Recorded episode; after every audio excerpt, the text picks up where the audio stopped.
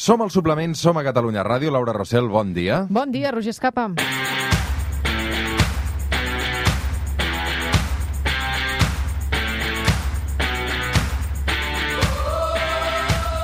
Laura, com anem? Com va la vida? Doncs uh, bé, i has- si has- anem tenint caps de setmana llargs com aquest per davant, doncs encara millor. Has aprofitat per fer compres de Nadal i aquestes coses, ja o no? Mira, no em treguis el tema perquè Com ho portes? ho porto fatal. Per no, què, eh? Perquè no, perquè vaig tard, ja vaig Ah, tard. no, home, no vas tard. Sí. Sí? No? Això, Això- això, ens diuen, això, ens, això ens, fan, ens fan creure que anem tard, no? Per perquè hi- la, setmana passada hi havia el Black el Friday. Black aquesta Friday, setmana. el Cyber Monday... Però jo no, no hi vaig caure amb el Black Friday, eh? Jo vaig No, jo tampoc. subsistir. A més, com que treballo el cap de setmana, mira, tot això com estalvio. Va, uh, avui amb la Laura Rossell, nou capítol de la Bassada de Lila, ens plantem a la lletra W, W de... Doncs mira, W de white, Mm. de blanc, perquè el feminisme no pot ser, no ha de ser blanc i malauradament en molts moments ho ha estat. Hi ha aquesta doble discriminació, el fet de ser dona i de ser negra o de ser llatina o de ser àrab o de ser de... asiàtica. Per això són tan importants veus com la de la convidada d'avui a la Bassadari Lila.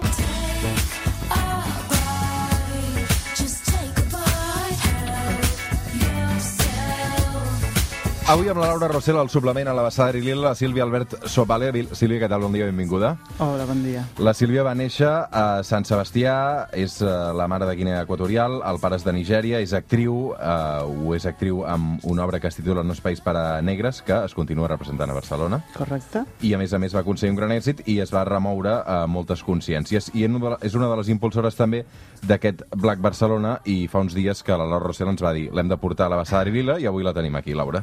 Sílvia, uh, fa molts anys que hi ha una part del feminisme que reclama aquesta perspectiva racial, d'aquesta revolució que vol mm, aconseguir que lluita per la igualtat i per la justícia entre homes i dones, però també ho hauria de fer per les dones de diferent color, no només per les dones blanques, però ha, ha predominat aquesta visió uh, blanca i occidental del feminisme. Encara passa això? I tant. Això està a l'ordre del dia. I ja no és només una qüestió de color, sinó també és una qüestió de classe no? perquè les dones de Sarrià que són feministes, no? qui les està netejant la casa, no? Hi ha una de les grans mm, demandes no? que fa el feminisme, que és això del, del sostre de cristal. No? I lo, la gent de baix està dient, ok, nosaltres serem les que netegem el terra quan vosaltres trenqueu el sostre. No? Entonces, això, la interseccionalitat. Tu et sents representada pel feminisme que hi ha, per exemple, a Catalunya o a l'estat espanyol? Mm, No, la veritat és que no. Perquè primer no hauria de ser un feminisme, no? sinó que haurien de ser feminismes, no? que són varios, perquè, bueno, exacte, estem les, les dones racialitzades, les dones negres, les marroquines, no? també estan les gitanes, no? que d'aquesta ja ni parlarem, per supuesto, perquè estan molt fora. No? Eh, I sempre s'estan bueno, fent unes demandes que tenen que veure amb això, amb un privilegi de blanquitud, un privilegi d'estatus social eh, i un privilegi també de coneixement, deixant fora a tota la resta que està allà. I, bueno, l'eslògan de quan si toquen a una, nos toquen a totes, no? que aquest que, que es va fer així, que, que es crida contínuament, això no és veritat. No? Perquè sí, tenim el cas de la manada, està clar que tothom va sortir al carrer, però uns mesos després va passar los de les dones de, de Almeria, de, de, de, Huel- de Huelva, sí, les, no? les, les dones de la Fresa. Sí, a Huelva. a Huelva, exacto, ¿no? ¿Y dónde están los todas ahí, no? Ahí no había todas. Aquesta és una lluita que s'ha de fer com la del feminisme, com la de uh, la lluita contra el racisme, des de molts àmbits. No? S'ha de fer des de la societat, des del carrer, des de la política, també des de la cultura. I aquí precisament tu hi tens molt a dir perquè tu reivindiques molt que, que la representativitat de les dones i de les dones negres a la cultura no sigui la que està sent fins ara la, la majoritària. Amb què et trobes uh, en el teatre? Mira, eh, per començar, sempre han parlat per nosaltres, no? O sea, sempre han sigut altres eh, dramaturgues, directores, directores, els que han fet peces de teatre en les que parlaven dels negres, dels estrangers, no? Eh, I sempre des d'aquesta visió, que no pot deixar de ser una visió blanca, heterosexual, no? Per, no? per, la majoria, però això és lo de menys, però sí que és aquesta visió de, de, del poder, parlant dels altres, de l'autoritat, no? I aquí el que estem demanant és, ok, nosaltres tenim veu, no necessitem que ningú es doni veu, simplement necessitem que s'escoltin, i nosaltres podem contar la nostra història des del nostre punt de vista, en les nostres vivències. Això és supercomplicat, no? perquè nosaltres no tenim la red, no? no tenim la red en el sentit de que la meva tieta no treballa a o no coneix a o la meva germà, no? És una red de famílies, no? de gent que porta molt de temps aquí. Jo porto 43 anys, però la meva red és més fluixa en, en aquell sentit. No? Entonces nos, ens costa molt poder arribar als mateixos puestos on arriba tothom. tothom no? Primer, perquè les nostres històries no, no cuenten, perquè pensen que quan les contem nosaltres ens estem eh, victimitzant, en lloc de simplement contar una, una, una altra narrativa, i després de que es pensa que no hi ha interès, no? En el món de la cultura, no, del teatre, quantes peces de teatre s'han fet que són un fracàs eh, econòmic, no, de taquilla. I aquí no passa res, és lo normal, podem apostar, però no podem apostar per una obra eh, protagonitzada per una dona negra o escrita per una dona negra, no, perquè si és un fracàs econòmic, no, saps? Com que de cop ens culpabilitzen no, per, per coses que a la, a la resta de la gent no... Se'ls no, perdona. Exacte. Uh, no és País per a Negres uh, neix i reflexiona precisament al voltant de, de tot això, no? de què suposa ser dona i ser negra en un país com aquest. Claro, no és país per a negres, neix, ahí me toca sempre el cor perquè jo em vaig quedar embarassada fa eh, set anys i em vaig començar a pensar no, quins eren els meus referents i quins anaven a ser els referents de la meva filla. La meva filla anava a ser mestiza, no? el que es diu, malament es diu mulata, nosaltres no diem mulata, diem mestiza, i quan vaig començar a donar-me a, a, a mirar al meu voltant era els meus referents estan a Anglaterra, no? a Amèrica sobretot, i, i a Àfrica. No? I, era, I aquí, a Espanya, què, què, què està passant? I a Catalunya, què està passant? Ahí que vaig començar a tirar, vaig començar a tirar i va decidir fer una peça que que, bueno, que formasi part d'una lluita antiracista que jo en aquell moment vaig conèixer, vaig descobrir i sobretot per poder eh, explicar la meva, no? Al final, i que no era només la meva, al final és la, és la veu de moltes dones que, com jo, hem nascut aquí, no? Que aquesta és una gran diferència, no? Eh, per nosaltres, que simplement és una cosa, de, no tenim un altre país al que marxar. Quan em diuen, vete a tu país, a, a on vaig? Clar. Ja hi soc, no? Exacte. Um, en aquest sentit, uh, quin, quin retorn tens de, del públic? Perquè ha estat un èxit aquesta obra. De fet, al febrer es torna a representar a la Sala Fènix de Barcelona, al, al Raval. Um, quin, el públic, amb, amb quina resposta surt d'aquesta obra? Bueno, això és un viatge. És un viatge perquè per la gent racialitzada, sobretot per la gent negra, eh, la majoria de les vegades és la prim... bueno, per tothom és la primera vegada que veuen una dona negra a l'escenari explicant una història així, eh, i a més escrita per ella. Això no havia passat aquí a, ni al territori espanyol ni a Catalunya, i a Europa, a Anglaterra. Eh, altres països no encara. I després és com per fi aquesta idea de ja s'està parlant de nosaltres i després així en el públic blanc tenim com diverses, no? Perquè està la gent que arriba una mica enganyada pensant, ah, no és país per a negres, vamos, no? Entonces van i, s'esperen un altre discurs i entonces ja se queden una mica sorpresos. Després estan aquests que se senten molt culpables, no? Que de cop eh, descubren que són racistes, no? I que jo estic fent unes denúncies i que bueno, fan el check-in en tot, no? Que té el check.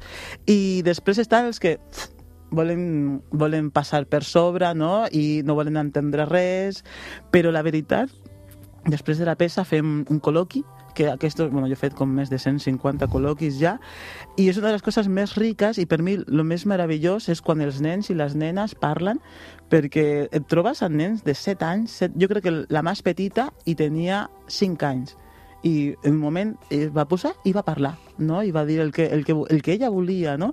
Perquè la gent sent que la peça és seva, no? I que té coses a dir sobre això. Mm. Sílvia, um, a tu, uh, quanta gent que no et coneix se t'adreça parlant en català? Mm, És habitual? Mm, a més, no, no, no. La veritat és que no. Bueno, hi ha gent que ho fa, no? Així com estàs a Catalunya i has de parlar català, Mm. però per la general en parlen en castellà. Mm. Això també és racisme, no? Sí, sí, perquè estan suposant que jo no sé parlar en català, estan que jo sóc estrangera, no? Sí. Mm. Ho dic perquè uh, s'havien denunciat també últimament molts casos com aquests. Uh, sentíem també uh, fa poques setmanes al Catalunya migdia diversos casos de persones um, que són aquestes maneres petites, no?, que directament... Microracismes. Els microracismes, Microracismes. exacte, no? Entres a una tenda i et, i et canvien a, al castellà, o a vegades et, canvien, et parlen en català per fer-te fer-te patir, sí? És com, has d'aprendre sí o sí eh, aquest... Però és perquè aquesta idea de que els catalans només són blancs, no? I aquesta idea ja, ja o sigui, jo tinc 43, però és que ja a Banyoles hi ha un grup de nois que tenen 20, que tenen 30, no? Que han nascut aquí, que los continuen dient que són la segona i la tercera generació. Fins a quan van a ser, continuar no? parlant d'integració quan han nascut aquí. Exacte, I que, quina més exacte. integració vols que néixer en Ah, aquest jo podria país? tindre ara una filla de, de 20 anys.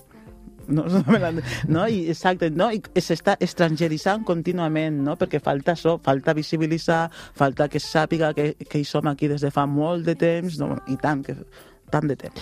Un dels grans noms de, del feminisme i de la reivindicació racial és Angela Davis. Mhm. Va venir a Barcelona ara farà dos anys al CCCB i crec que tu tens una anècdota relacionada amb aquella visita de- d'Angela Davis a, a Barcelona. Doncs sí, sí, sí. Nosaltres, bueno, des del col·lectiu, des de Black Barcelona, volíem anar, bueno, vam anar molta gent a escoltar-la, això va ser uah, un privilegi. Eh, el assumpte és que volíem parlar, volíem fer preguntes, i jo ja de primeres ja sentia com que no se'n donava la veu, no? I l'Àngela Davis, que és una maestra, quan li van dir és la última, la pregunta, ella va dir no, una més. I jo que ja portava així una estoneta aixecant la mà, em va dir ella. Entonces jo me vaig apropar i més que una pregunta era una reflexió no? cap a aquells espais que de cop eh, volen portar a gent de fora no? de la comunitat afro, no? activistes per parlar de temes internacionals i no volen parlar amb la gent que hi som aquí, no? perquè aquí estan els afrocatalans com a posicionament polític, eh, com a reivindicació, no? fem servir aquest terme, término, però amb nosaltres no volem parlar al CCB. No? Entonces, era, gràcies, perquè heu portat l'Angela Davis, gràcies perquè heu portat, també van portar a la Chimamanda en Goyadiche, Mhm. però per a quan afrodescendència, afroespanyolitat, afrocatalanitat al CCCB I, i continuem esperant. I això és el que ara intentes una mica fer a través d'aquest nou projecte que és el Black Barcelona? El Black Barcelona es fa al MACBA. No, el CCCB no ens va donar el bola, així de clar. Eh, vam escribir, reescrivir i tornar a escribir i no, eh, se ve que no som lo suficientment contemporanis per ells, però el MACBA sí que ens va donar l'oportunitat de, de, no, de fer allí el festival i això és el que fem, fem quatre dies de trobada per vis- autovisibilitzar-nos, no? amb aquesta idea de que no necessitem que ningú parli per nosaltres, nosaltres podem parlar.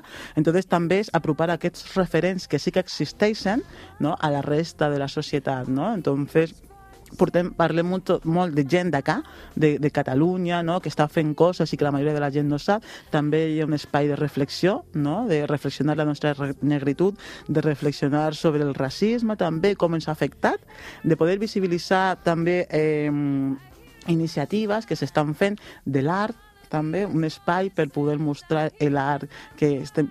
i un espai per somiar, no? que és aquest punt en el que ens trobem ara, farem cinc anys aquest, aquest any, i, i és com, i si no haguéssim d'estar tot el temps denunciant, i si no haguéssim d'estar tot el temps parlant de racisme i de negritud, què podríem fer? No? Què faríem? Eh, jo aquest cap de setmana vaig estar amb un artista que es diu Michel Matiezzi i deia una frase preciosa que era que nosaltres som les... Ai, com era? Nosaltres som las ancestras del futuro, ¿no? Entonces, si nosaltres som les ancestres del futur, què li deixarem? No? I volem deixar. Entonces, hem de deixar més coses. O sea, hem de lluitar, hem de reivindicar, això s'ha de fer, però podem fer alguna cosa més? Em deixaran fer alguna cosa més? Down by the river,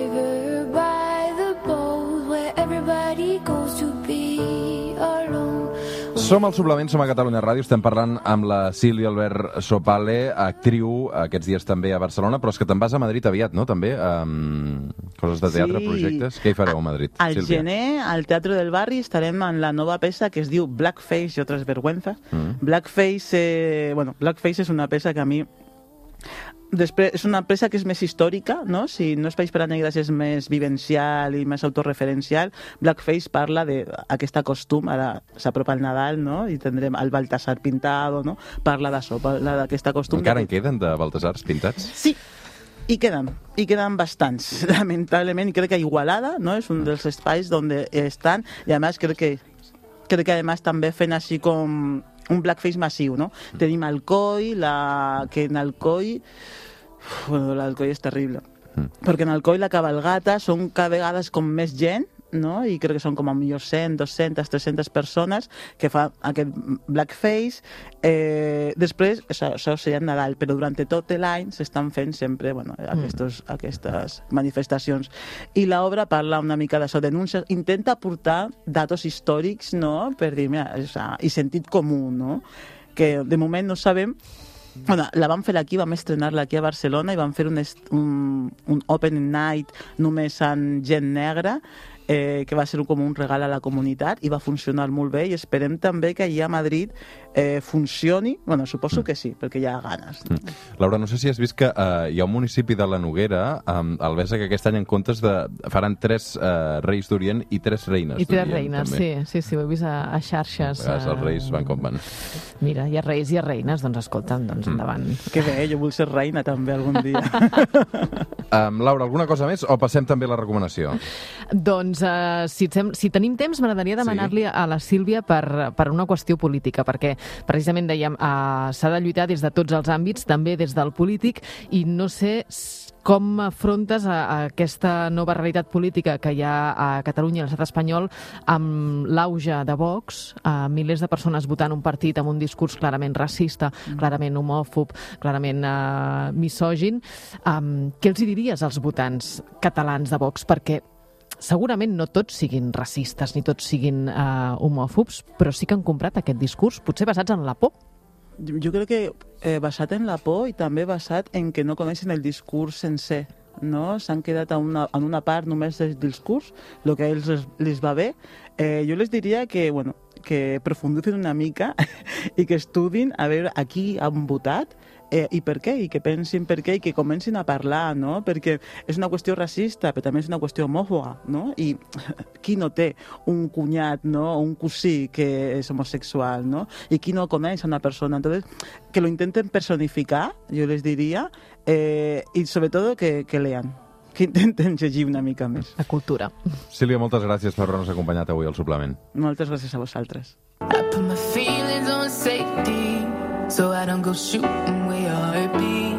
Cause you take the bullet trying to save me. Then I'm left to do what making you Laura, amb què tanquem avui? Doncs mira, tanquem eh, amb una proposta, amb una autora que relliga molt bé tota aquesta conversa que hem de tenir amb la Sílvia. És la Toni Morrison, que va morir aquest estiu, el 5 d'agost en concret. Ella era una escriptora nord-americana, va guanyar un Pulitzer a finals dels 80, va guanyar el Nobel de Literatura a principis dels 90, l'any 1993. De fet, va ser la primera dona afroamericana que va guanyar el Premi Nobel de Literatura. Um, va estudiar universi uh, Humanitats a la Universitat de, de Howard de Washington i durant molts anys va ser de professora també d'Humanitats a Princeton. A les seves novel·les què fa? Doncs parla de, de la vida que ella coneix, del seu entorn, de la vida dels afroamericans, en especial de les dones afroamericanes, però ella rebutjava eh, parlar de, de literatura feminista. Deia que que aquesta classificació limitava la seva llibertat, la seva creativitat, i ell el que volia era deixar obertes les portes de, de les seves obres a la interpretació de tothom, d'homes i de dones. També deia, tenia un discurs molt curiós, sobretot que, que trenca molt el, els discursos que hem anat analitzant a, a diumenge rere diumenge a la bassa de Lila, no? perquè ella no creia en el patriarcat, no creia que la solució mm, fos el matriarcat, per tant oposava aquests dos conceptes, no? patriarcat mm, contra matriarcat, quan hi ha moltes altres uh, teories de feminisme que diuen que no, no són una cosa no, no, no és contrària de l'altra. La Toni Morrison el que volia era la igualtat entre tots uh, dos sexes, sobretot la igualtat entre blancs i afroamericans, homes i dones. Per tant, la recomanació d'avui és uh, recuperar alguna de les obres de, de Toni Morrison. Toni Morrison. Gràcies, Laura Rossell. Fem una pausa i de seguida el suplement el demà ho deixo amb el Roger Mas i el David Caravent.